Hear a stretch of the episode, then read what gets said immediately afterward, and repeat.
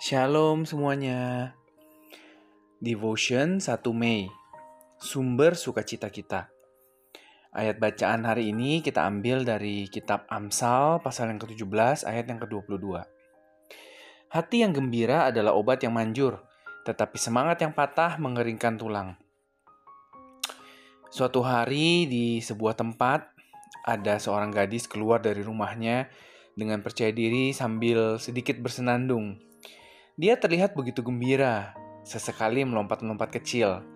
Dia mengekspresikan betapa bahagia perasaannya saat itu. Karena hari ini dia akan bertemu dengan teman-temannya di sekolah dasar dulu.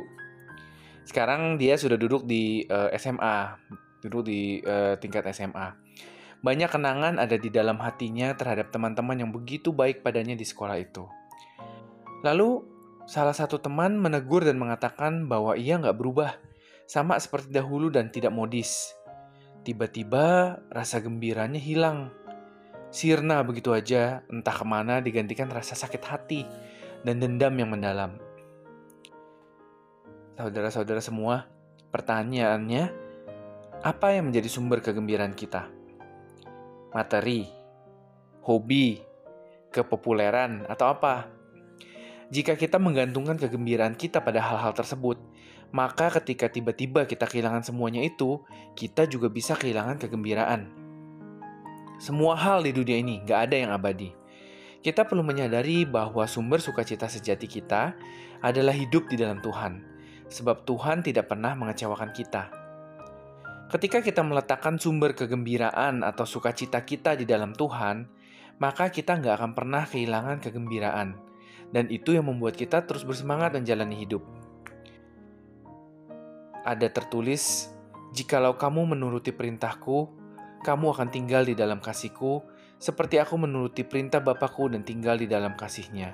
Semuanya itu kukatakan kepadamu, supaya sukacitaku ada di dalam kamu, dan sukacitamu menjadi penuh. Tuhan Yesus memberkati. Shalom semuanya. Devotion 2 Mei. Pemarah versus penyabar. Ayat bacaan hari ini diambil dari kitab Amsal pasal 15 ayat yang ke-18. Si pemarah membangkitkan pertengkaran, tetapi orang yang sabar memadamkan perbantahan. Ada sebuah video tentang seorang ibu yang sedang berteriak dengan amarah yang meledak-ledak di sebuah supermarket. Dan itu sempat viral di media sosial beberapa waktu yang lalu. Wanita separuh baya itu memaki-maki karyawan supermarket dengan kata-kata yang nggak pantas. Lantaran karena dia nggak bisa menerima dirinya dipanggil Oma.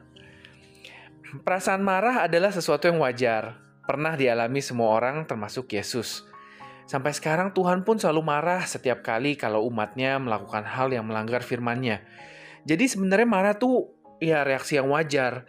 Dan itu kan bisa dipicu oleh banyak faktor Hal yang akan jadi masalah adalah ketika seseorang berubah menjadi pemarah.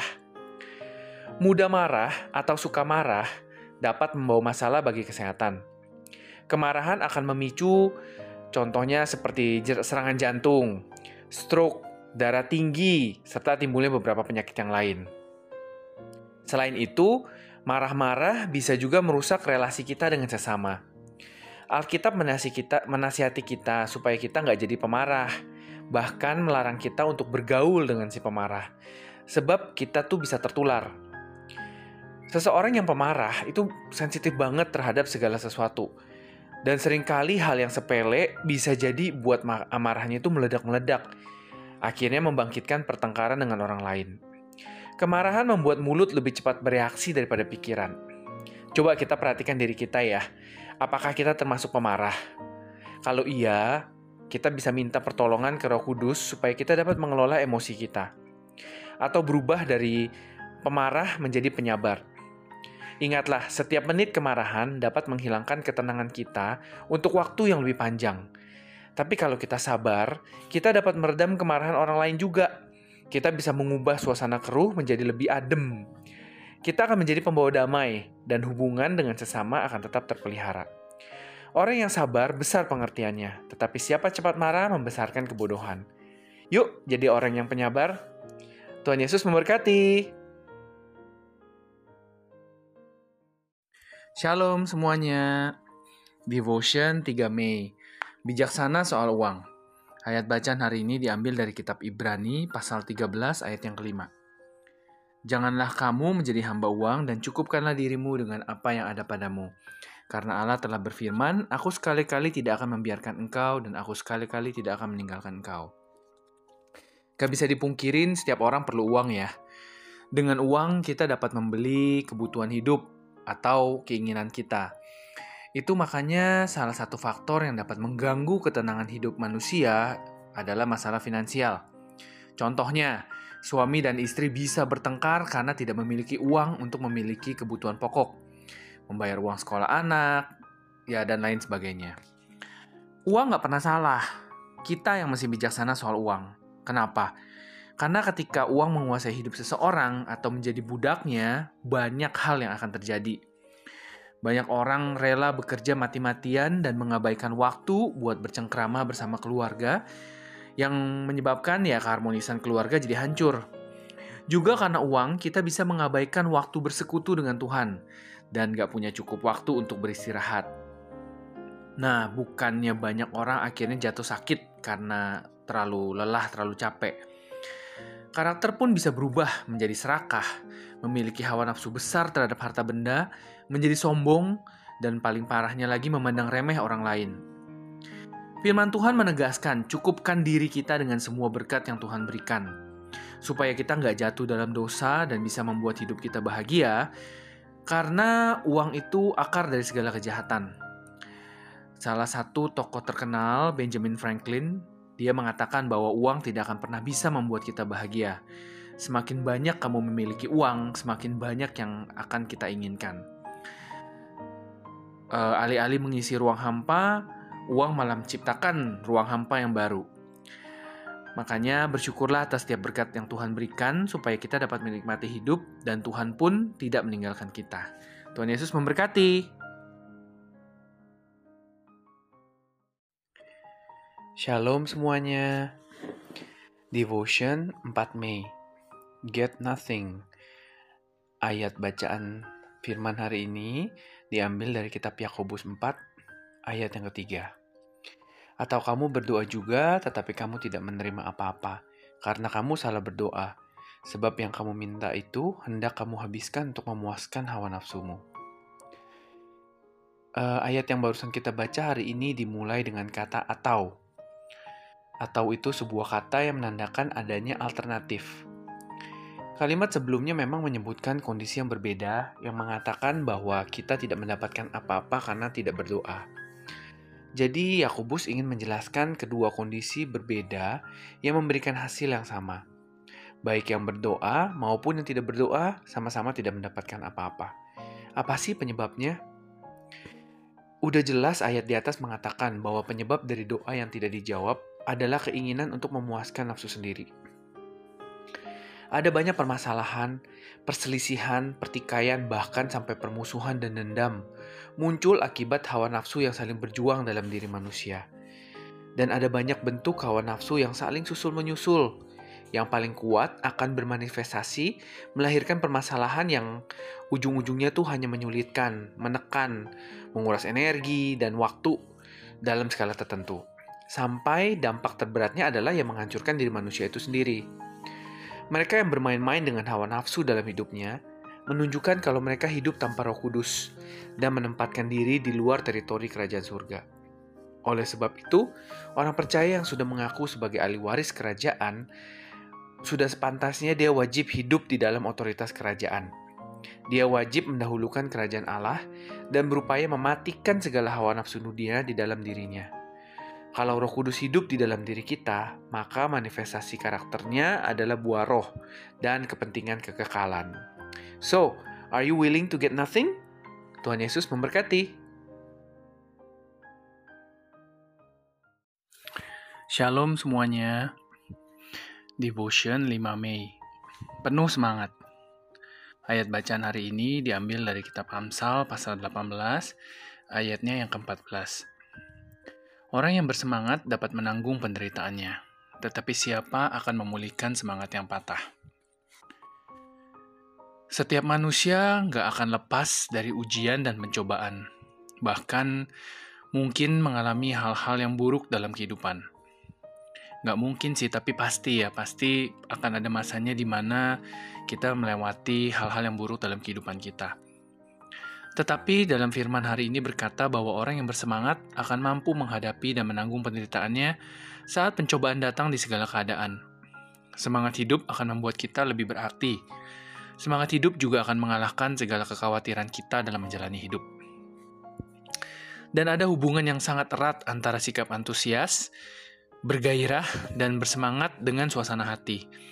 Hati yang gembira dipenuhi sukacita akan membuat kita bisa memandang sisi positif dari segala hal, bahkan dari keadaan sulit atau dalam penderitaan sekalipun. Tuhan mau agar hidup kita di dalam rencana Dia. Dia yang akan membimbing dan menyertai di jalan yang telah disediakan bagi kita saat masalah datang, kita diproses dengan banyak kesulitan, tetapi kita harus menghadapinya dengan semangat. Mulailah berdoa di pagi hari dan mengucap syukur, percaya dengan segenap hati dalam segala keadaan. Waktu kita bersemangat dalam menjalani hidup, segala sesuatu akan berjalan dengan lebih baik. Sesungguhnya sukacita sejati berasal dari Tuhan dan tidak pernah tergantung dari keadaan yang kita hadapi. Sukacita Tuhan yang memenuhi orang percaya akan menumbuhkan semangat dan kekuatan.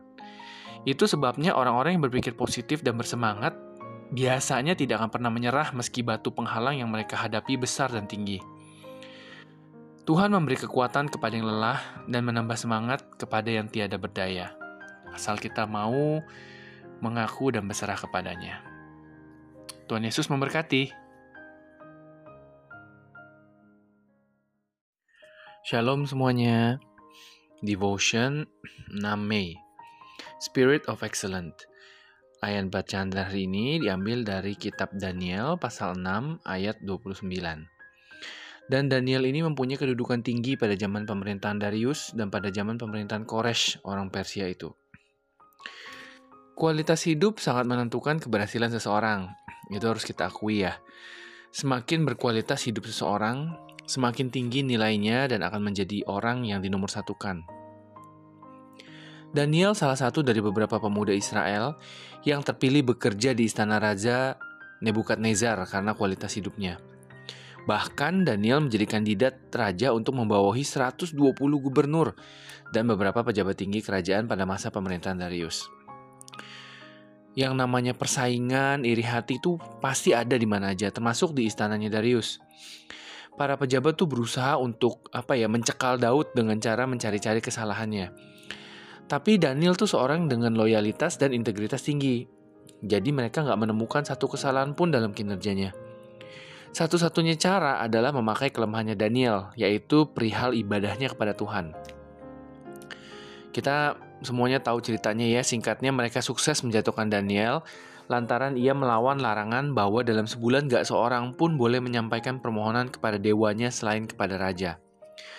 Raja Darius sendiri berusaha untuk membela Daniel, tapi dia juga terbentur karena harus konsekuen pada ketentuannya.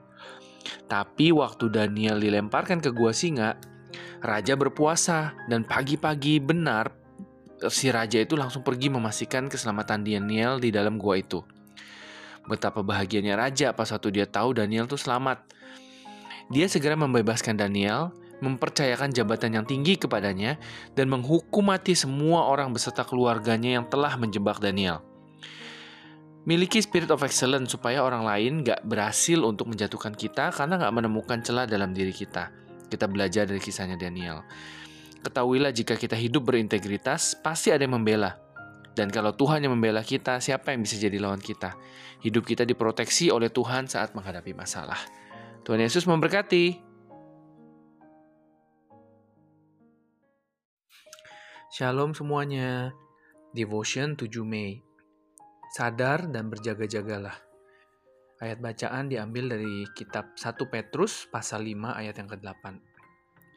Sadarlah dan berjaga-jagalah. Lawanmu si iblis berjalan keliling sama seperti singa yang mengaum-ngaum dan mencari orang yang dapat ditelannya. Kalau misalkan kita pergi ke taman safari ya. Maka peringatan bisa kita temuin di mana-mana untuk keamanan ya setiap kita, setiap pengunjung. Dan tentu aja tingkat pengawasan dan kehati-hatian itu akan sangat berbeda waktu kita lagi lewat di area binatang yang jinak dan e, waktu kita melintasi area binatang yang buas. Karena kalau misalkan kita lengah atau kita lalai, maka binatang buas akan dapat mencelakai kita. Iblis digambarkan seperti singa yang berjalan berkeliling dan mengaum-ngaum mencari orang yang dapat ditelannya. Makanya firman Tuhan mengingatkan supaya kita sadar dan berjaga-jaga senantiasa. Kalau misalkan seseorang tahu kalau dia lagi diincar oleh iblis, pasti refleksnya e, normalnya orang itu pasti dia akan berjaga-jaga. Masalahnya nggak semua orang sadar kalau dirinya adalah incaran si jahat. Jadi nggak ada kewaspadaan di dalam dirinya. Hidup sadar dan berjaga-jaga adalah ketika kita tidak lengah terhadap jebakan iblis dan tinggal di dalamnya. Tunduk terhadap semua kehendak Allah adalah bagian penting ketika kita menghadapi kuasa si jahat. Dalam perlindungan Tuhan membuat kita berada di posisi yang aman. Sama seperti seseorang yang gak diizinkan membuka kaca dan mengeluarkan anggota badannya sedikit pun agar tidak membahayakan dirinya waktu uh, lagi ke taman safari. Demikianlah kita jangan memberikan celah kepada iblis di dalam kehidupan kita. Ada tertulis, karena itu tunduklah kepada Allah dan lawanlah iblis, maka ia akan lari daripadamu. Tuhan Yesus memberkati. Shalom semuanya. Devotion 8 Mei. Miliki telinga yang peduli. Ayat bacaan hari ini diambil dari kitab Amsal pasal 21 ayat yang ke-13. Siapa menutup telinganya bagi jeritan orang lemah tidak akan menerima jawaban kalau ia sendiri berseru-seru. Menjadi pendengar yang baik dan menjadi jawaban bagi orang lain itu nggak gampang loh, itu bukan perkara mudah. Banyak orang lebih tertarik untuk mendengar cerita lucu atau gosip atau cerita-cerita serem mungkin ketimbang mendengar kesulitan orang lain. Nama Don Ricci cukup terkenal di Australia. Mungkin kita nggak terlalu kenal ya. Tapi di Australia dia sangat terkenal karena hatinya yang mulia. Dia berhasil menyelamatkan ratusan nyawa. Semuanya tuh bermula waktu dia melihat orang yang berdiri di di, di tebing uh, satu tempat ya di Australia namanya The Gap.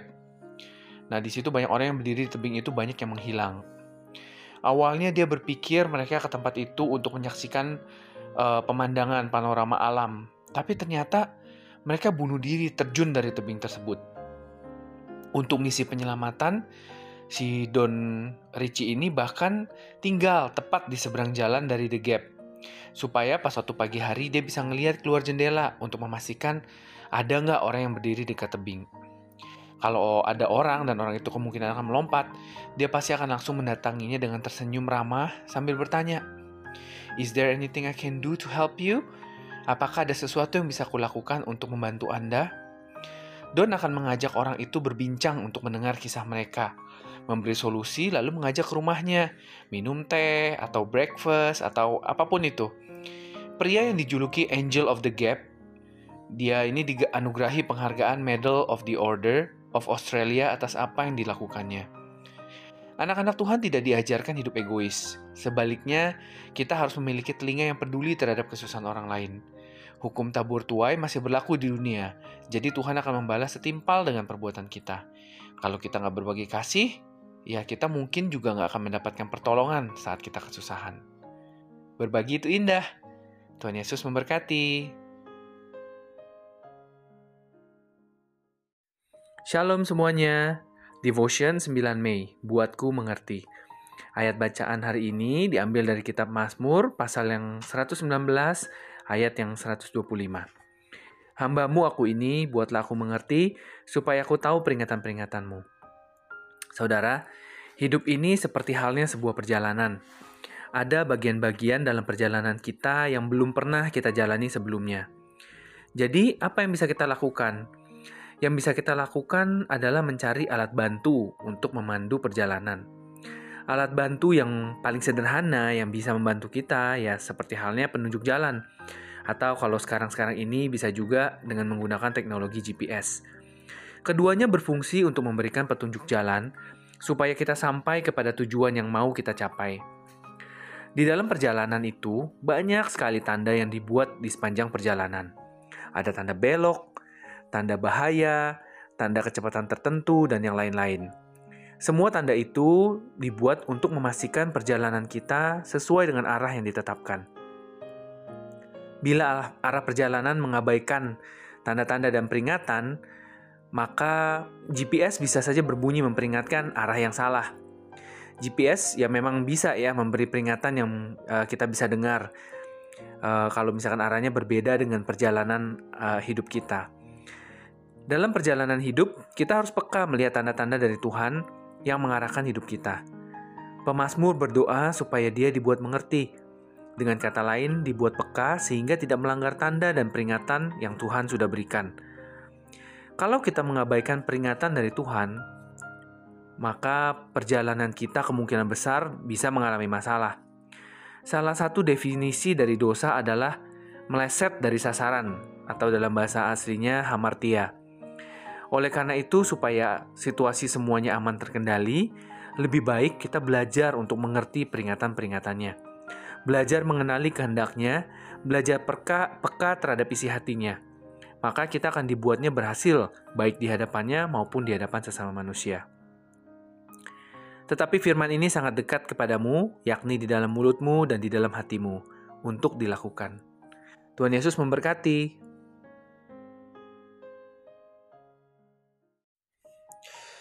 Shalom semuanya. Devotion 10 Mei. Berserah dan percaya. Ayat bacaan hari ini diambil dari kitab Mazmur pasal 31 ayat yang keempat. Sebab engkau bukit batuku dan pertahananku, dan oleh karena namamu engkau akan menuntun dan membimbing aku. Sebagai pengikut Kristus, kita juga disebut sebagai orang percaya, yaitu percaya pada Kristus yang artinya berserah penuh dan mempercayakan seluruh hidup kita kepada Tuhan. Berserah diri artinya tuh taat, dan itu ditunjukkan dalam perbuatan mengikuti sepenuhnya apa yang diarahkan, apa pun yang Tuhan minta dari kita. Ketika kita berkata tidak Tuhan, ini berarti kita menentang. Dan kita nggak bisa lagi menyebut Yesus sebagai Tuhan apabila kita menolak untuk menaatinya. Berserah juga berarti kita menyerahkan hidup kita kepada Tuhan di segala keadaan, baik saat suka dan duka, saat dalam masalah, penderitaan, sakit, sehat, atau sedang diberkati. Jadi, uh, bukan pada saat-saat tertentu aja. Inilah yang disebut dengan tindakan iman, yaitu saat kita mempercayakan hidup dan mempersilahkan Tuhan berkarya dalam hidup kita. Bukan iman yang setengah-setengah, bukan iman musiman, tapi iman yang utuh di dalam segala musim. Kalau kita sudah menyerahkan segala pergumulan kepada Tuhan dalam doa, maka kita pun harus meyakini bahwa Tuhan akan menjawab doa kita. Ada unsur iman yang bekerja, sebab iman yang tidak disertai dengan perbuatan pada hakikatnya adalah mati. Kenapa sih kita perlu memiliki penyerahan diri secara penuh kepada Tuhan? Jawabannya adalah supaya hidup kita sesuai dengan kehendak dan rencananya. Ini nggak mudah sih, karena sebagai manusia kita cenderung uh, mengandalkan kekuatan kita dan kepintaran kita sendiri, ketimbang tunduk kepada kehendak Tuhan. Kita biasanya nggak sabar, dan kita kayaknya nggak tenang kalau kita nggak punya jawabannya. Namun untuk berkenan kepada Tuhan gak ada jalan lain selain harus percaya, menerima dan mau dibentuk. Milikilah penyerahan penuh kepada Tuhan karena Dia tahu yang terbaik bagi kita dan tidak ada rancangannya yang gagal. Tuhan Yesus memberkati. Shalom semuanya. Devotion 11 Mei. Mengasihi dengan perbuatan. Ayat bacaan hari ini diambil dari kitab 1 Yohanes 3 ayat 18 dan 19. Anak-anakku, marilah kita mengasihi bukan dengan perkataan atau dengan lidah, tetapi dengan perbuatan dan dalam kebenaran. Demikianlah kita ketahui bahwa kita berasal dari kebenaran. Demikian pula kita boleh menenangkan hati kita di hadapan Allah. Kata kasih adalah kata-kata singkat yang mudah sekali diucapkan oleh siapa aja. Mengasihi juga bisa dilakukan dengan perkataan, dengan mengatakan I love you, kita tahu itu merupakan sebuah merupakan sebuah ungkapan kasih juga. Namun yang lebih penting sebenarnya itu bukan sekedar ucapan yang keluar dari mulut kita. karena kasih lebih banyak harus diwujudkan dalam perbuatan. Kata mengasihi itu sebenarnya adalah kata kerja. Oleh karena itu, perlu action nyata agar dapat terwujud dalam kehidupan kita. Ayo mari kita cek mana yang lebih banyak kita mengasihi dengan sekedar kata-kata atau disertai dengan perbuatan. Hari ini kita mau belajar untuk memahami bahwa kita berasal dari kebenaran. Adapun cirinya adalah kita mengasihi dengan perbuatan dan di dalam kebenaran. Dengan cara itu kita tahu kalau kita berasal dari kebenaran. Makanya supaya kita dapat melakukannya, kita harus penuh dengan kesabaran, kelemah lembutan, penguasaan diri, dan buah-buah lain yang keluar dari kasih yang ada dalam hidup kita. Semua ciri tersebut di atas akan memastikan bahwa kita hidup di dalam kasih dan kebenaran. Oleh karena itu, lakukanlah perbuatan mengasihi, bukan cuma sekedar berkata-kata saja. Barang siapa memegang perintahku dan melakukannya, dialah yang mengasihi aku. Dan barang siapa mengasihi aku, ia akan dikasihi oleh Bapakku. Dan aku pun akan mengasihi dia dan akan menyatakan diriku kepadanya. Tuhan Yesus memberkati. Shalom semuanya. Devotion 12 Mei. Bersikap tegas karena mengasihi.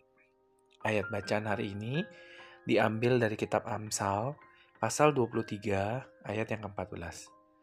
Engkau memukulnya dengan rotan, tetapi engkau menyelamatkan nyawanya dari dunia orang mati. Kasih harus diekspresikan secara benar, termasuk dalam mendidik anak. Tapi dalam realitasnya, uh, ada banyak orang tua yang saking sayangnya terhadap anak-anaknya malah menjadi nggak bersikap tegas. Di sisi lain ada orang tua yang malah kelewat tegas, sampai-sampai nggak cuma melukai hati, juga melukai fisik. Jadi anaknya itu jadi kepahitan. Contohnya saat anak sulit diatur, anaknya dikata-katai. Ada pula orang tua yang menyulut anaknya dengan api rokok, dikurung di kamar mandi, dan akhirnya sampai jatuh sakit karena kelamaan dikurung, seperti di sinetron. Miris ya, kalau misalkan anak tuh jadi penurut bukan karena mengerti apa yang salah dan benar, tapi karena mereka takut untuk dihukum. Ada seorang yang namanya Maria Montessori, dia seorang yang berprofesi sebagai dokter, ilmuwan dan pendidik yang merumuskan tentang metode pendidikan anak. Dia berkata, kita mengajarkan disiplin untuk giat, untuk bekerja, untuk kebaikan, bukan agar anak-anak menjadi loyo, pasif, atau penurut. Orang tua harus punya tujuan yang benar dengan dan cara yang benar dalam mendidik. Firman Tuhan mengatakan ada masanya kita mendidik anak cukup dengan mengajar, tetapi pada waktu tertentu mendidiknya lebih keras misalkan dengan menggunakan cambuk atau menghajar, manakala anak terlalu keras hati untuk menerima didikan. Menghajar pun ada batasannya. Dilakukan dengan kasih, bukan dengan emosi, dendam, atau benci, dan tidak dengan tujuan untuk menciderai. Teguran maupun didikan yang keras tidak akan membuat anak mati. Setelah anak dewasa dan berhasil, mereka justru akan sangat bersyukur orang tua pernah mendidiknya dengan tegas, sehingga langkahnya tidak menyimpang. Jadi jangan takut hubungan dengan anak akan rusak atau anak membenci kita karena tegas dalam mendidiknya.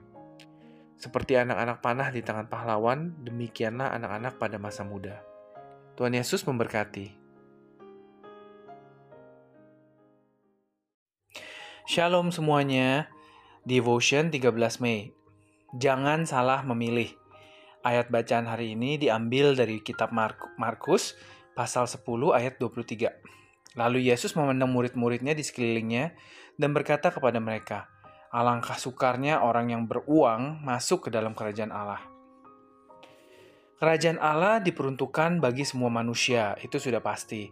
Secara khusus orang-orang percaya yang sungguh-sungguh hidup seturut kehendaknya. Kerajaan surga merupakan destinasi akhir dari umat tebusannya. Tapi kita harus mengetahui bahwa ada hal yang dapat menjadi penghalang, perintang untuk kita bisa sampai ke tujuan akhir hidup kita. Apa itu? kekayaan. Kekayaan atau harta sebenarnya nggak salah, tapi yang kadang bermasalah, yang sering bermasalah adalah pemiliknya. Yesus berkata alangkah sukar orang yang beruang atau orang kaya masuk ke dalam kerajaan Allah. Nggak semua orang yang udah diberkati dengan kekayaan dapat mengelola dan memakai kekayaannya secara benar. Sedangkan Tuhan mau kita memuliakan Dia melalui harta kita. Tapi pada realitasnya banyak sekali orang kaya yang kikir, yang tamak. Kekayaan justru membuat seseorang tidak memiliki belas kasihan, sehingga dirinya nggak peduli pada orang-orang yang ada di sekitarnya. Coba diperhatikan aja ketika seseorang yang kaya menemui Yesus untuk mencari tahu apa yang mesti dilakukannya untuk beroleh hidup yang kekal. Yesus tegaskan hanya satu saja yang kurang dalam dirinya, soal mengasihi sesama. Makanya Yesus menyuruh orang kaya itu menjual hartanya, lalu membagikan kepada orang-orang miskin. Responnya bagaimana? Ia meninggalkan Yesus dengan perasaan yang sangat kecewa dan sedih. Kalau Tuhan memberkati kita dengan kekayaan, maka seharusnya kita memiliki belas kasihan kepada sesama. Salah satunya dengan menyisikan berkat yang Tuhan berikan untuk berbagi menolong kaum miskin atau orang-orang yang perlu uluran tangan kita. Dengan demikian, hal itu tidak merintangi kita sampai ke tujuan akhir kita, yaitu kerajaan surga. Jangan condongkan hati pada harta, jangan salah memilih. Tuhan Yesus memberkati. Shalom semuanya. Devotion 14 Mei. Ayat bacaan hari ini diambil dari kitab Amos, pasal ke-7 ayat 14. Aku ini bukan nabi dan aku ini tidak termasuk golongan nabi, melainkan aku ini seorang peternak dan pemungut buah arah hutan. Melihat hati. Bukan menjadi penghalang bagi siapa pun untuk dipakai Tuhan menjadi alat yang luar biasa. Karena hal itu sudah menjadi otoritasnya Tuhan seperti yang dialami Amos, yang sebenarnya dia hanyalah seorang peternak dan pemungut buah arah hutan. Amos dipanggil Tuhan untuk menyampaikan firman Tuhan kepada orang-orang yang berada di Israel Utara, tempat di mana kejahatan pada waktu itu sangat merajalela dan gak ada takut akan Tuhan. Banyak orang Kristen berpikir bahwa yang boleh melayani Tuhan atau memberitakan firman Tuhan itu cuma orang-orang yang menyandang gelar sarjana teologia atau para lulusan sekolah Alkitab atau bahkan pendeta atau mereka yang sudah lama menjadi Kristen. Perhatikan hal ini ya. Semua anak Tuhan tanpa terkecuali mau dia besar, mau dia kecil, mau dia tua atau muda, mau dia pendeta atau bukan, mau dia sekolah Alkitab atau enggak, semuanya itu punya tugas dan kewajiban untuk melayani Tuhan dan turut ambil bagian dalam pelebaran kerajaan Allah di muka bumi ini. Jadi nggak ada batasannya karena tingkat pelayanan masing-masing orang berbeda. Dan e, dari yang paling sederhana sampai yang paling besar tanggung jawab serta konsekuensinya. Dengan penyertaan tangan Tuhan, Amos pergi ke tempat yang Tuhan telah tunjukkan. Sebagai anak-anak Tuhan, kita nggak perlu takut atau merasa kecil hati untuk melayani Tuhan. Ingat bahwa Tuhan gak pernah memanggil dan memilih seorang menurut kriteria manusia, tapi Tuhan melihat hati.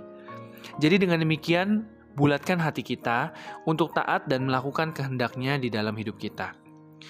Tuhan melihat hati. Tuhan Yesus memberkati. Shalom semuanya.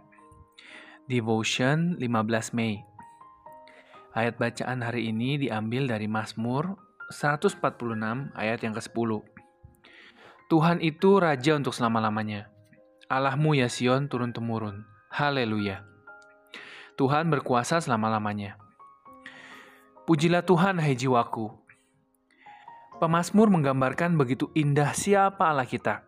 Dikatakan dialah raja untuk selama-lamanya. Pemerintahannya tidak akan pernah berakhir Pernah nggak sih kita ngerasa takut kehilangan sesuatu atau kehilangan seseorang di dalam hidup? Terkadang sebagai manusia, kita begitu mudah untuk menaruh percaya pada apa yang kita miliki atau pada orang-orang yang kita anggap mampu dalam tanda kutip ya menjamin hidup kita.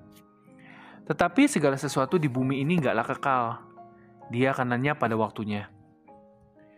Di Mazmur pasal yang 146 ayat yang ketiga dan keempat mengingatkan kita untuk jangan percaya kepada para bangsawan, para petinggi-petinggi, kepada anak manusia yang tidak dapat memberikan keselamatan. Apabila nyawanya melayang, ia kembali ke tanah. Pada hari itu juga lenyaplah maksud-maksudnya. Pemasmur mengingatkan sungguh siapa penolong kita yang tetap untuk selama-lamanya. Ketika kita meletakkan kepercayaan dan pengharapan hidup kita di tempat yang benar, yaitu pada Allah kita yang pemerintahannya tetap untuk selama-lamanya, maka jiwa kita bukan lagi dipenuhi dengan ketakutan dan kekhawatiran, tetapi dipenuhi dengan puji-pujian dan kebahagiaan. Karena Allah kita yang menjadi segalanya adalah setia untuk selama-lamanya. Dialah sumber keadilan, penyediaan, kebebasan, kesembuhan, kekuatan, perlindungan, dan kasih dalam hidup kita. Pujilah Tuhan, hai jiwaku, Tuhan adalah Raja untuk selama-lamanya. Biarlah matamu memandang hanya kepadanya, dan pengharapanmu kau letakkan kepadanya. Sungguh pemerintahannya tetap dan tak pernah berkesudahan sampai selama-lamanya. Amin. Tuhan Yesus memberkati.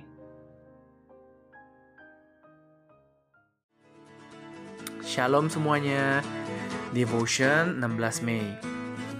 Ayat bacaan hari ini diambil dari kitab Mazmur pasal 12 ayat yang ke-8. Engkau Tuhan yang akan menepatinya. Engkau akan menjaga kami senantiasa terhadap angkatan ini. Tuhan menjagamu. Kalau kita hidup di tengah komunitas yang orang-orangnya suka bohong atau kita dikelilingi oleh orang-orang yang mulutnya manis tapi tindakannya kontras dengan perkataannya, gimana perasaan kita? Pasti kita akan merasa was-was. Kita juga merasa nggak nyaman kan? Pemasmur pernah ngalamin hal ini. Daud menjerit meminta tolong kepada Tuhan lantaran tindakan memanipulasi seakan-akan udah lumrah banget bagi orang-orang yang di sekeliling dia. Hasilnya anak-anak Tuhan yang setia merasa nggak tenang dan terancam. Lalu mereka meminta perlindungan dari Tuhan. Nah, realitas hidup seperti ini masih ada loh sampai sekarang. Seiring keadaan dunia yang semakin memburuk, moral manusia pun ikut bertambah bobrok. Agar hidup lebih mudah, supaya mendapatkan sesuatu dengan cara yang mudah atau demi cuan, Tindakan saling membohongi, saling menipu, lain di mulut, lain di hati, bagi beberapa orang jadi lumrah untuk dilakukan. Jadi ya mereka enteng aja, lempeng aja kalau misalkan mereka buat curang.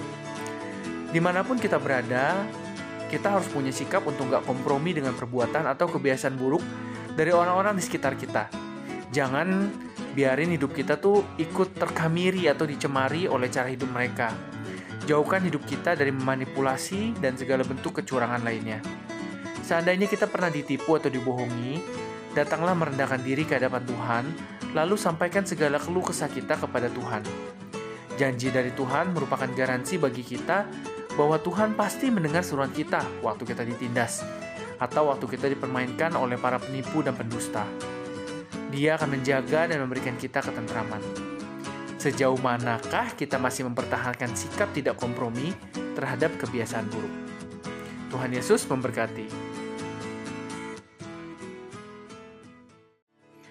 Shalom, Devotion 17 Mei. Ayat bacaan hari ini diambil dari kitab Amsal pasal yang keempat ayat ke-23. Jagalah hatimu dengan segala kewaspadaan, karena dari situlah terpancar kehidupan. Ada apa dengan hati? Hati itu punya pengaruh yang besar ya, banyak banget terhadap kehidupan manusia. Kalau kita ngelihat dari segi jasmani, Menurut ilmu anatomi tubuh dan kedokteran, hati merupakan sumber kehidupan manusia. Karena hati atau kalau dalam kedokteran ya kita sebutnya hati ya, bekerja sama dengan sistem tubuh yang lain untuk memastikan berbagai mekanisme tubuh tetap berjalan dengan baik. Selama si hati ini berfungsi dengan baik, kondisi seseorang akan sehat. Dan sebaliknya, jika hati tidak berfungsi dengan baik, akan timbul berbagai kondisi yang serius bagi tubuh. Itu dari segi jasmani.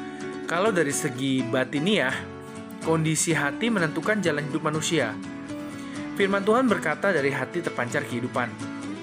Baik ataupun buruk kehidupan setiap orang, nggak lepas dari bagaimana keadaan hatinya. Kondisi hati manusia terdalam selalu akan terekspresi keluar melalui uh, perangai, perkataan, perbuatan, keinginan, dan keputusan kita. Apabila yang bertahta di hati kita adalah kejahatan, otomatis buah yang keluar dari hidup kita adalah perkara-perkara yang jahat. Contoh sederhana, ketika keserakahan menempati hati kita, maka pasti lahir hal-hal yang sifatnya tuh serakah, hal-hal yang jahat. Di antara di antara hal-hal itu ya contohnya tuh kayak korupsi, menipu, memanipulasi sesuatu atau melakukan hal-hal yang gak terpuji lainnya supaya apa ya cuma demi memuaskan hasrat kita akan misalkan sejumlah uang atau uh, posisi tertentu atau apa pun itu ya Dan sebaliknya, kalau hati kita dipenuhi dengan hal-hal yang baik, buah hidup kita tentunya baik. Orang yang murah hati pasti sensitif dengan kesulitan hidup sesamanya. Menolong tanpa pamrih akan sangat mudah baginya. Nah, bagaimana kondisi hati kita hari ini? Perhatikanlah dengan baik dan jagalah sedemikian rupa. Tuhan Yesus memberkati. Shalom semuanya. Devotion 18 Mei. Ayat bacaan hari ini diambil dari kitab Zakaria pasal pertama ayat yang ketiga. Sebab itu katakanlah kepada mereka, Beginilah firman Tuhan semesta alam. Kembalilah kepadaku, demikianlah firman Tuhan semesta alam. Maka aku pun akan kembali kepadamu, firman Tuhan semesta alam. Masih ada harapan. Uh, kita memang sudah ngelewatin ya apa namanya pandemi namun di tengah-tengah situasi pandemi sekalipun dengan ketidakpastian uh, saat itu kapan akan berakhir membuat orang banyak kehilangan harapan, putus asa dan nggak tahu apa yang harus dilakuin. Tapi kita sebagai umat pilihannya masih ada harapan. Harapan-harapan tersebut sudah dimuat dengan jelas lewat kisahnya Zakaria terutama di pasal awal, pasal pertama sampai ketiga, yaitu bagaimana Tuhan semesta alam selalu memberi penghiburan dan pengharapan kepada umatnya yang berada di dalam pembuangan. Bahkan mereka akan kembali ke Yerusalem dan mendirikan kembali bait Allah. Kota-kota mereka pun berlimpah-limpah dengan kebajikan. Sebab Allah akan selalu melindungi mereka. Dengan kata lain, mereka diharapkan sungguh-sungguh bertobat dari segala kejahatan yang diperbuatnya Nanti Tuhan pasti akan menanggalkan pakaian kotor mereka dan mengenakan pakaian pesta yang indah dengan jaminan bahwa mereka harus hidup menurut jalan yang ditujukannya dan melakukannya dengan setia. Karena Allah telah menerangi hati mereka untuk melakukan kehendaknya dengan seia dan sekata sampai segala firman-Nya telah digenapi. Tuhan itu pengasih dan penyayang. Tuhan itu panjang sabar dan besar kasih setianya baik kepada semua orang, serta menjaga semua orang yang mengasihinya. Dengan demikian kita tahu kalau Tuhan itu dekat pada setiap orang yang berseru kepadanya dan mendengar teriakan mereka. Dengan anugerah keselamatan yang diberikannya pada kita, Tuhan tuh mau setiap orang percaya hidup berkemenangan dan memiliki masa depan. Percayalah kepadanya senantiasa, masih ada harapan. Tuhan Yesus memberkati. Shalom semuanya, Devotion 19 Mei. Ayat bacaan hari ini diambil dari kitab 1 Yohanes pasal yang kedua, ayat yang ke-18. Anak-anakku, waktu ini adalah waktu yang terakhir, dan seperti yang telah kamu dengar, seorang antikristus akan datang. Sekarang telah bangkit banyak antikristus. Itulah tandanya bahwa waktu ini benar-benar adalah waktu yang terakhir. Waktu terakhir. Ketika vonis hukuman mati dijatuhkan, udah pasti ya itu bukan sesuatu hal yang mudah bagi seorang e, narapidana.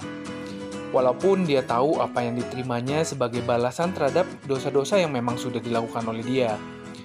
Setelah vonis dijatuhkan, masih ada waktu untuk menunggu sampai eksekusinya benar-benar dijalankan.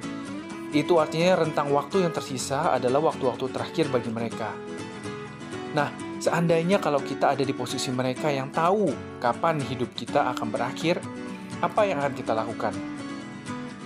Kalau kita ya tentu kita akan sungguh-sungguh mendekatkan diri kepada Tuhan, mengisi sisa hidup dengan segala sesuatu yang berarti, ya kan? Memberikan kasih yang maksimal untuk orang-orang yang kita kenal. Tapi sayangnya kita nggak akan pernah tahu kapan waktu kita akan berakhir.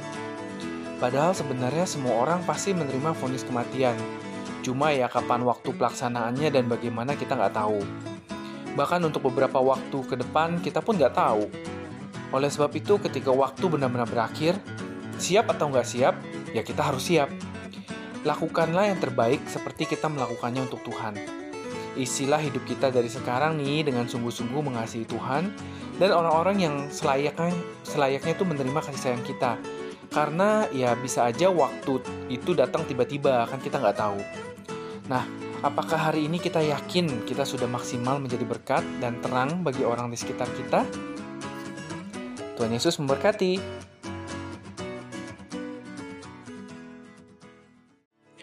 Shalom semuanya. Devotion 20 Mei. Ayat bacaan hari ini kita ambil dari kitab Amsal pasal ke-31 ayat ke-12. Ia berbuat baik kepada suaminya dan tidak berbuat jahat sepanjang umurnya. Tidak berbuat jahat. Amsal ini sering kita dengar untuk mengajar dan meneguhkan para wanita agar mereka menjadi bijak di dalam panggilannya untuk melayani baik kepada suami maupun keluarga. Namun tanpa bermaksud untuk membedakan gender baik wanita maupun pria, kita sadari bahwa orang yang bijak akan selalu berusaha melakukan yang terbaik dalam hidupnya, tidak peduli pria atau wanita. Ada banyak hal yang mungkin gak sesuai dengan keinginan hati kita, dan itu apa terkadang memunculkan perasaan kecewa, sakit hati, dan egois dan semua perasaan itu dapat saja menjebak kita untuk nggak melakukan perbuatan baik. Tetapi kalau kita berkaca dari ayat ini bahwa tidak berbuat jahat sepanjang hidupnya, artinya apa pun keadaan yang sedang dialami tidak mengubah kondisi hati dan perasaan untuk selalu melakukan yang terbaik di dalam hidup.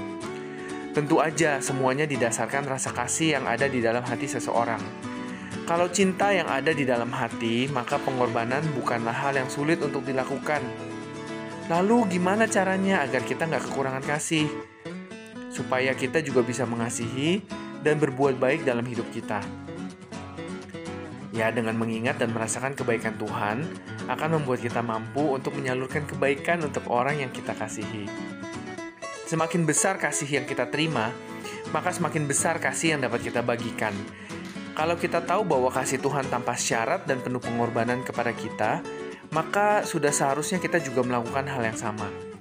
Terima kasih dari Tuhan, maksudnya menerima kasih dari Tuhan, dan bagikanlah kepada orang yang kita kasihi dan yang memerlukannya. Tuhan Yesus memberkati. Shalom semuanya, Devotion 21 Mei. Tinggal tenang dalam pemeliharaan Tuhan. Ayat bacaan hari ini kita ambil dari kitab Mazmur pasal 140 ayat yang keempat. Pelihara aku ya Tuhan terhadap tangan orang fasik. Jagalah aku terhadap orang yang melakukan kekerasan yang bermaksud menjatuhkan aku. Kalau kita bicara tentang memelihara ya, arti kata memelihara itu kan artinya kan menjaga dan merawat baik-baik. Sama seperti kita lagi pelihara apa pun atau siapa pun yang kita kasihi atau kita suka pasti kita akan melakukan yang terbaik yang nggak bisa dilakukannya sendiri. Nah, pemeliharaan juga harus dilakukan secara terus-menerus. Daud meminta supaya Tuhan memelihara dirinya, sebab dia mengerti segala keterbatasan yang ada pada dirinya. Walaupun dia bisa ngalahin Goliat yang perkasa, tapi ada banyak hal yang mengancam dirinya, dan hanya Tuhan yang dapat diandalkan. Daud menyerahkan dirinya dalam tangan Tuhan, sebab dia tahu dia akan selamat dalam pemeliharaan Tuhan. Kalau kita ngelihat sama diri kita bukannya kita juga uh, cuma bisa mengandalkan Tuhan. Kalau kita nengok ke belakang ada banyak hal yang sudah kita lewati dan semua karena pemeliharaan Tuhan dalam hidup kita. Pemeliharaan bukan berarti sesuatu yang kelihatannya besar dan hebat aja tapi juga melakukan uh, melainkan juga pemeliharaan dari hari ke hari dalam kehidupan kita pemeliharaan Tuhan nggak bisa dinilai dengan materi nggak bisa dinilai dengan keuangan tapi juga kesehatan, keluarga, orang-orang yang kita kasih yang selalu ada bersama dengan kita dan lain sebagainya. Kalau kita menyadari semua hal tersebut ya, kita pasti juga akan melakukan uh, hal yang sama seperti yang dilakukan Daud, yaitu mengandalkan Tuhan di dalam segala hal. Oleh sebab itu, ayo kita serahkan aja hidup kita semua kepadanya. Uh, berserah bukan pasrah ya, dan percaya kalau ia yang akan memelihara hidup kita. Serahkan segala kekhawatiranmu kepadanya, sebab ia yang memelihara kamu. Tuhan Yesus memberkati. Shalom semuanya. Devotion 22 Mei. Ayat bacaan hari ini kita ambil dari kitab Kejadian pasal 33 ayat keempat. Tetapi Esau berlari mendapatkan dia, didekapnya dia, dipeluk lehernya dan diciumnya dia. Lalu bertangis-tangislah mereka kasihnya lebih besar. Ketika kita mendengar nama Esau dan Yakub, tentulah hal yang kita ingat adalah kisah perseteruan mereka ketika Yakub mencuri berkat Esau dengan cara menipunya. Kisah sup kacang merah ya kita tahu. Kemudian demi menyelamatkan nyawanya, larilah Yakub dan tidak bertemu dengan Esau beberapa waktu lamanya. Nah, waktu dia harus kembali untuk berjumpa dengan Esau, Maka Yakub merasa sangat takut sebab dia berpikir kalau-kalau kakaknya akan melakukan hal yang gak baik terhadap dirinya. Tetapi di luar dugaan ketika Esau berjumpa dengan Yakub, hal yang dilakukannya adalah memeluknya dan bertangis-tangisan karena haru dan rindu yang sangat mendalam. Bahkan Esau bukan hanya mengampuni Yakub, tetapi juga menawarkan memberikan perlindungan terhadapnya sampai kepada tujuan.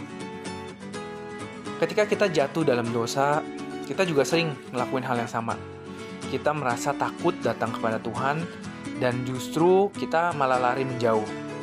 Kita merasa Tuhan pasti deh menghukum kita. Dosa mengintimidasi kita sebegitu kuatnya sampai membuat hubungan kita dengan Tuhan menjadi renggang dan gak dekat lagi. Tapi kalau misalkan kita mengingat kisahnya Esau dan Yakub ini ya, begitu bencinya Esau ketika Yakub pergi, tapi rasa kasihnya membuat dia mampu untuk mengampuni Yakub. Nah, terlebih lagi Bapa di surga terhadap kita. Kalau kita berbuat dosa, jangan menjauh dari Tuhan. Akui dosa-dosa kita, mohon ampun pada Tuhan dan bertobat adalah cara yang terbaik. Bukankah karya Yesus di kayu salib telah membuka jalan menuju hadirat Tuhan?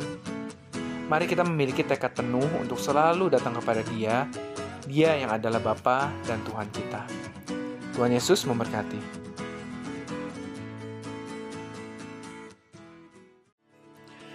Shalom semuanya, Devotion 23 Mei. Ayat bacaan hari ini diambil dari kitab Matius pasal yang kedua, ayat yang ke-11. Maka masuklah mereka ke dalam rumah itu dan melihat anak itu bersama Maria ibunya, lalu sujud menyembah dia. Mereka pun membuka tempat harta bendanya dan mempersembahkan persembahan kepadanya, yaitu emas, kemenyan, dan mur, menghormati Tuhan. Berita baik belum tentu akan disambut baik oleh semua orang, Demikian halnya dengan berita tentang kelahiran Yesus Sang Mesias. Bangsa Israel seharusnya senang dong ya bersuka cita mendengarnya, karena mereka kan sedang menanti-nantikan Mesias Sang Juru Selamat. Tapi sayang sekali sebagian dari umat pilihan Allah ini malah nggak mengakui eksistensi Yesus. Sementara orang-orang majus malah menunjukkan respon yang sangat berbeda. Orang-orang majus sangat bersuka cita dan antusias sekali mendengar tentang lahirnya Mesias. Mereka berusaha untuk mendapatkan informasi yang akurat perihal tentang keberadaan Yesus. Mereka rela menempuh perjalanan ribuan kilometer dan mereka berupaya mencari Yesus bukan karena apa yang akan mereka dapatkan dari Yesus, tapi malah sebaliknya. Mereka membawa persembahan yang mahal harganya. Mereka lakukan itu dalam satu pemahaman bahwa Yesus layak mendapat penghormatan sebagai raja. Mereka menyembah Yesus karena tahu dia memang patut untuk disembah. Saat ini kita hidup di masa kasih karunia. Kita sudah banyak mengecap segala kebaikan Tuhan, dan untuk kita bertemu Tuhan sekarang pun oh, sangat mudah. Serta waktunya fleksibel. Bahkan sekarang pasca pandemi ya kita bisa online kan. Kita nggak perlu menempuh perjalanan berpuluh-puluh kilometer seperti para maju saat itu. Karena kita mempunyai tempat beribadah di gereja lokal. Kita bisa melakukan persekutuan pribadi dengan Tuhan kita bisa ikut ibadah kelompok sel atau persekutuan-persekutuan doa lainnya. Nah, pertanyaan sekarang apakah kita memiliki hasrat yang masih menggebu-gebu untuk mencari Tuhan dan menyembah Tuhan? Tuhan Yesus memberkati. Shalom semuanya. Devotion 24 Mei. Ayat bacaan hari ini kita ambil dari kitab Matius 20 ayat 34. Maka tergeraklah hati Yesus oleh belas kasihan. Lalu ia menjamah mata mereka dan seketika itu juga mereka melihat lalu mengikuti dia. Kejar dan tangkap Tuhan. Waktu anak-anak saya masih kecil, saya sering main sama mereka main kejar-kejaran. Sambil saya ambil mainan yang uh, mereka sukain. Dengan wajah yang tersenyum lebar, mereka tuh berusaha untuk ngejar saya untuk nangkep ambil kembali mainan tersebut. Tapi sayangnya ya nggak akan pernah bisa ngelampaui saya karena langkah saya kan lebih panjang dan lebih cepat. Dan juga saya lebih tinggi pastinya. Setelah beberapa kali berusaha dan gagal baru anak saya mulai berhenti akhirnya nangis. Nangis terisak-isak. Akhirnya saya menghentikan langkah saya kemudian berbalik mengejar dan memeluk dia serta memberikan mainan yang diingininya Secara fisik mustahil kita dapat mengejar dan menangkap Tuhan, karena Tuhan adalah roh. Tapi pada waktu kita berseru dengan segenap hati dan mengejar Tuhan dengan sungguh-sungguh, maka kita bisa menangkap hatinya Tuhan. Sehingga ia berhenti, kemudian berbalik, mengejar dan memeluk kita, serta memberikan apa yang kita butuhkan. Seperti yang dilakukan oleh dua orang buta yang duduk di pinggir jalan, yang berseru kepada Tuhan tanpa terpengaruh teguran dari orang di sekitarnya. Akhirnya itu membuat Yesus berhenti, memanggil mereka dan menanyakan kebutuhan mereka. Setelah mereka utarakan kebutuhannya, maka tergeraklah hati Yesus oleh belas kasihan, dan ia menjamah mata mereka sehingga mereka dapat melihat. Mari kita kejar dan tangkap hatinya Tuhan. Ada tertulis, dan umatku yang atasnya namaku disebut, merendahkan diri, berdoa dan mencari wajahku, lalu berbalik dari jalan-jalannya yang jahat, maka aku akan mendengar dari surga dan mengampuni dosa mereka serta memulihkan negeri mereka. Tuhan Yesus memberkati.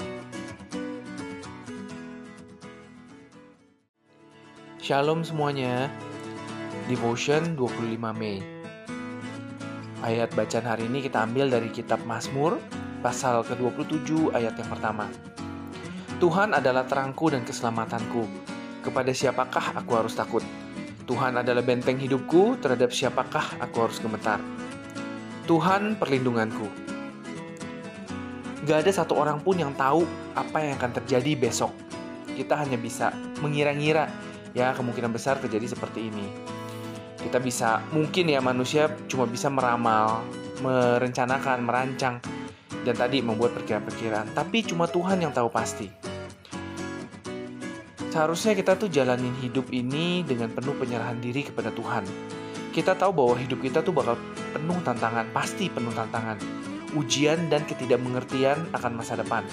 Untuk itu, banyak orang menempuh segala cara untuk mencoba melihat masa depannya seperti apa dengan bertanya kepada dukun, paranormal, zodiak, bintang ataupun lain sebagainya lah dengan harapan beroleh kekuatan, perlindungan dan jaminan. Namun sebagai orang percaya kita punya Tuhan Yesus. Pribadi yang senantiasa menjaga, melindungi dan menyertai kita. Kalau masalah datang eh, atau berbagai pergumulan menghampiri kehidupan kita, Bersyukurlah, karena saat kita menghadapi masalah dan pergumulan, kita akan memaksimalkan iman percaya kita kepada Tuhan. Kita akan lebih mengandalkan Dia, dan kita akan melihat, menyaksikan, dan mengalami kekuatan perlindungan dan pertolongan Tuhan dalam hidup kita. Karena itu, marilah kita bergantung penuh hanya kepada Tuhan Yesus, bukan kepada diri kita sendiri, apalagi orang lain, atau apa pun juga yang ada di dunia. Hidup dalam ketatan adalah kunci untuk beroleh perlindungan dari Tuhan Semakin mendekat kepada Tuhan, semakin kita beroleh kekuatan dan mampu tegak berdiri di atas persoalan, karena Dia adalah perlindungan kita. Tempat yang paling aman adalah dalam perlindungan yang maha tinggi. Pastikan kita selalu berada di sana senantiasa. Tuhan Yesus memberkati. Shalom semuanya, Devotion 26 Mei. Ayat bacaan hari ini diambil dari kitab Amsal pasal 28 ayat yang ke-14. Berbahagialah orang yang senantiasa takut akan Tuhan, tetapi orang yang mengeraskan hatinya akan jatuh ke dalam malapetaka. Jangan mengeraskan hati. Firman Tuhan dalam kitab Amsal mengatakan bahwa orang yang hidup berbahagia dan sangat bergembira adalah orang yang mempunyai hati yang lembut dan hidup takut akan Tuhan. Tapi, sebaliknya orang yang keras kepala dan yang hatinya keras hidupnya akan mengalami malapetaka. Kita sih semua pasti sadar ya kalau saat kita mulai melakukan suatu tindakan, ada kalanya kita melihat tanda bahwa tindakan kita keliru atau uh, akan menjadi keliru. Namun demikian, meskipun tahu langkahnya salah atau akan salah, sebagian orang bersikukuh untuk tetap melanjutkan langkahnya. Mengerahkan hati adalah dengan sadar mengabaikan semua tanda yang dilihat dan dimengerti dan bersikeras hati bersikukuh melanjutkan langkah meski tahu langkah itu salah. Menyadari bahwa sesuatu salah atau akan salah adalah cara Tuhan untuk mengingatkan kita, untuk menghindarkan kita dari hal-hal buruk. Mengeraskan hati terhadap kesadaran itu bisa berakibat buruk. Mengeraskan hati dengan tetap berjalan pada arah yang kita tahu mengarah pada jalan yang salah sama dengan mencelakakan diri sekaligus sebuah perbuatan merendahkan atau meremehkan kebaikan Tuhan. Itulah sebabnya Amsal mengatakan bahwa orang yang berbahagia bukan diukur dari banyaknya kekayaan atau uang, tetapi diukur dari bagaimana menjalani hidupnya dengan takut akan Tuhan di segala aspek kehidupannya. Orang yang takut akan Tuhan akan selalu mengikuti arahan dan taat pada tuntunan Tuhan. Kelembutan hati menjadikan diri kita mudah menerima pengajaran Tuhan untuk selalu diubahkan, dipulihkan, dan dibentuk sesuai bejana rancangannya. Bila kita mendengarnya hari ini, janganlah kita mengeraskan hati. Tuhan Yesus memberkati. Shalom semuanya. Devotion 27 Mei. Ayat bacaan hari ini kita ambil dari kitab Amsal pasal yang keempat, ayat yang ke-18. Tetapi jalan orang benar itu seperti cahaya fajar yang kian bertambah terang sampai rembang tengah hari. Semakin terang. Perjalanan hidup manusia pada umumnya diumpamakan seperti roda yang sedang berputar. Sering dengar ya kita ya orang yang bicara seperti ini ya Hari ini kita bisa di atas, besok kita bisa di bawah. Filosofi ini bagi orang benar di dalam Kristus nggak tepat. Justru firman Tuhan mengatakan ia kian bertambah terang sampai rembang tengah hari. Dengan kata lain, perjalanan hidup orang benar tidak akan turun, tetapi tetap naik. Bukan menjadi ekor, tapi tetap menjadi kepala atau tetap menjadi pemimpin. Lalu kenapa masih banyak orang Kristen hidup dalam kegagalan, serta nggak mampu keluar dari keterpurukannya? Kenapa mereka nggak mengalami hidup yang lebih baik? Apa karena Tuhan nggak memperhatikan mereka? Pertanyaan yang sebenarnya adalah apakah mereka sungguh-sungguh hidup benar di hadapan Tuhan?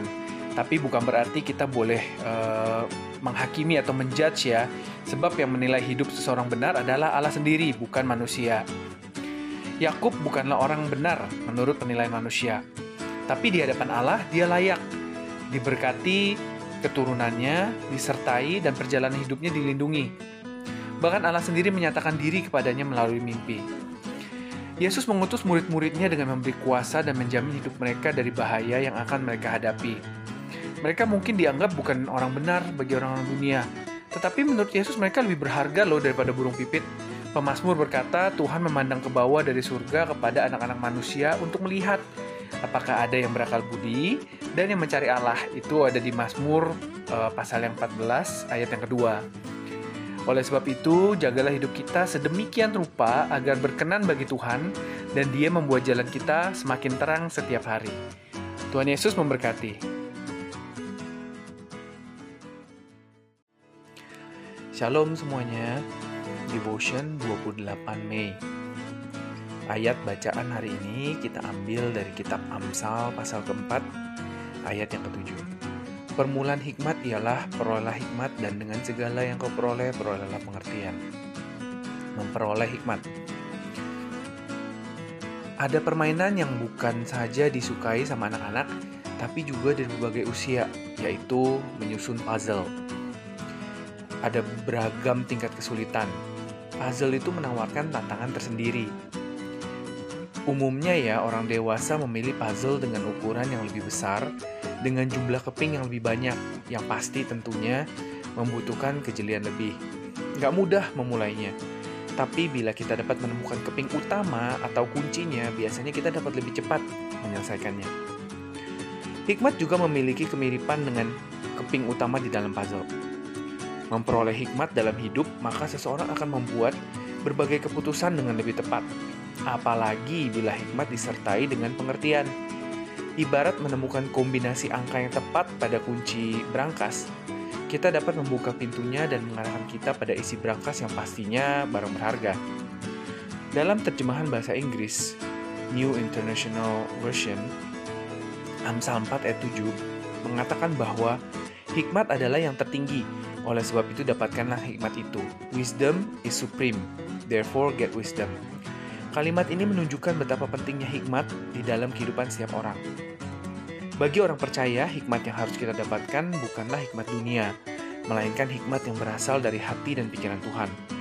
Hikmat seperti inilah yang akan mengarahkan kaki kita pada jalan yang benar, yang sudah dipersiapkan Tuhan untuk setiap kita.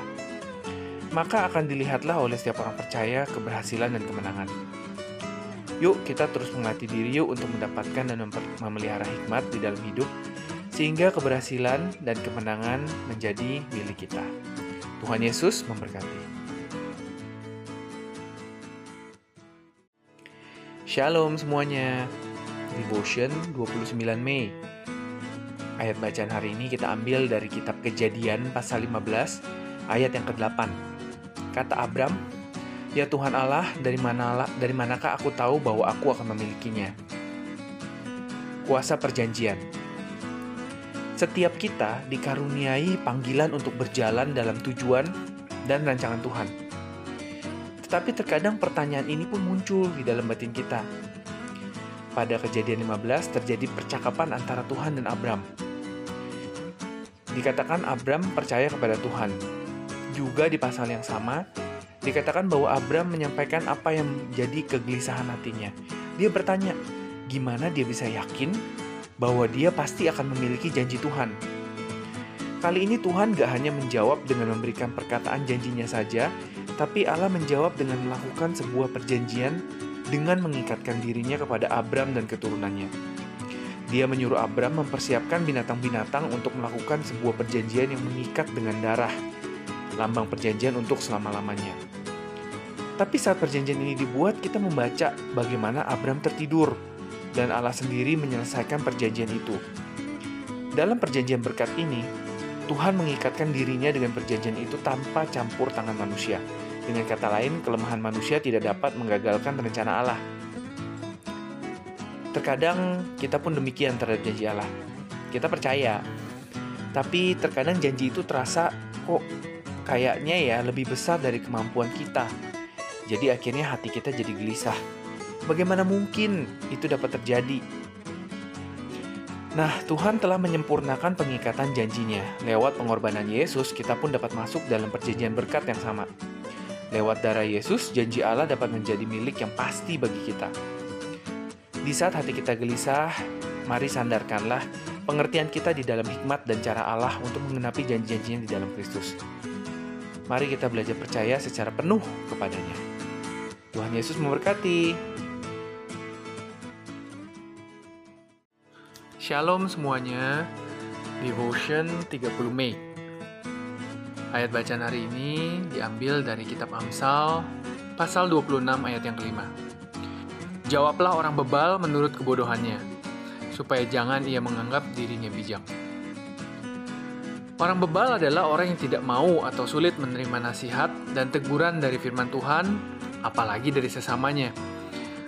Ia selalu merasa diri sebagai orang yang paling benar dan tidak pernah melakukan suatu kesalahan. Karena itu, ia mencari berbagai alasan untuk selalu membenarkan diri sendiri dan merasa nggak perlu diajar, dibimbing oleh orang lain. Ia menganggap bahwa orang lain yang harus berubah, bukan dirinya. Orang bebal adalah orang yang tidak pernah mau belajar dari pengalaman, sehingga ia berulang-ulang kali melakukan kesalahan yang sama tapi nggak pernah disadarin atau pura-pura nggak sadar. Jangan seperti orang bebal mengingatkan kita untuk tidak memelihara sikap degil, sikap mau menang sendiri, dan sikap merendahkan orang lain. Secara umum manusia pada dasarnya memiliki perilaku atau konsep hidup yang bebal. Buktinya, kita selalu ngaku takut akan Tuhan, tapi perilaku hidup kita memperlihatkan bahwa kita nggak takut akan Tuhan. Artinya takut Tuhan itu hanya sebatas di mulut. Hidup dalam kebebalan adalah pintu menuju kepada kehancuran hidup. Oleh sebab itu, mari kita terus mengolah diri dalam pembaharuan budi dan karakter yang sesuai dengan firman Tuhan. Berikanlah hati yang terbuka untuk diajar dan rela untuk diubahkan. Belajar menghargai diri sendiri dan menghargai orang lain itu adalah dasar utama dalam membentuk karakter kita sesuai firman Allah. Orang yang bijak akan mewarisi kehormatan, tetapi orang yang bebal akan menerima cemooh. Tuhan Yesus memberkati. Shalom semuanya, Devotion 31 Mei. Ayat bacaan hari ini kita ambil dari kitab Daniel pasal ke-11 ayat 32 bagian yang ke B. Tetapi umat yang mengenal Allahnya akan tetap kuat dan akan bertindak. Kuat dan bertindak. Pasal dari kitab Daniel yang barusan kita baca adalah rangkaian dari jawaban doa Daniel dari pasal-pasal sebelumnya. Daniel sedang berdoa dan berpuasa mengenai umat Tuhan. Dalam Daniel 11 dan 12 ada begitu banyak nubuatan yang disampaikan kepada Daniel. Dimulai dari apa yang akan terjadi kemudian di masa hidupnya sampai kepada zaman akhir jauh setelah masa hidupnya. Akan ada banyak perang, pertentangan, dan kesukaran bahkan pemurtatan yang akan terjadi yang dibukakan oleh Tuhan di dalam pasal-pasal ini. Namun satu hal yang sama-sama kita bisa yakini adalah umat yang mengenal Allahnya akan tetap kuat dan akan bertindak. Pengenalan kita akan Tuhan melalui hubungan yang terbangun dengan Tuhan setiap hari sangatlah penting. Karena pengenalan akan Tuhan menghasilkan umat yang kuat dan mampu bertindak. Di dalam Alkitab terjemahan New King James Version, kata bertindak mengandung arti carry out great exploits atau melakukan kegerakan yang besar. Di dalam Amsal uh, pasal yang pertama ayat yang ketujuh juga dikatakan, takut akan Tuhan adalah permulaan pengetahuan. Tetaplah untuk hidup di dalam takut akan Tuhan, yang menjadikan dia sebagai pusat segalanya dalam hidup kita. Bangunlah hubungan yang kuat dengan Tuhan sehingga pengenalan akan siapa dia akan membuat kita menjadi umat yang kuat dan mampu bertindak dalam melewati segala masa, mau masa baik ataupun masa yang sukar. Rindu nggak sih kita semakin mengenal Allah setiap hari? Mau nggak sih kita terus bertekun dalam pengenalan akan dia dengan hati yang terus berpusat kepadanya? Be strong in Him and do great things. Tuhan Yesus memberkati.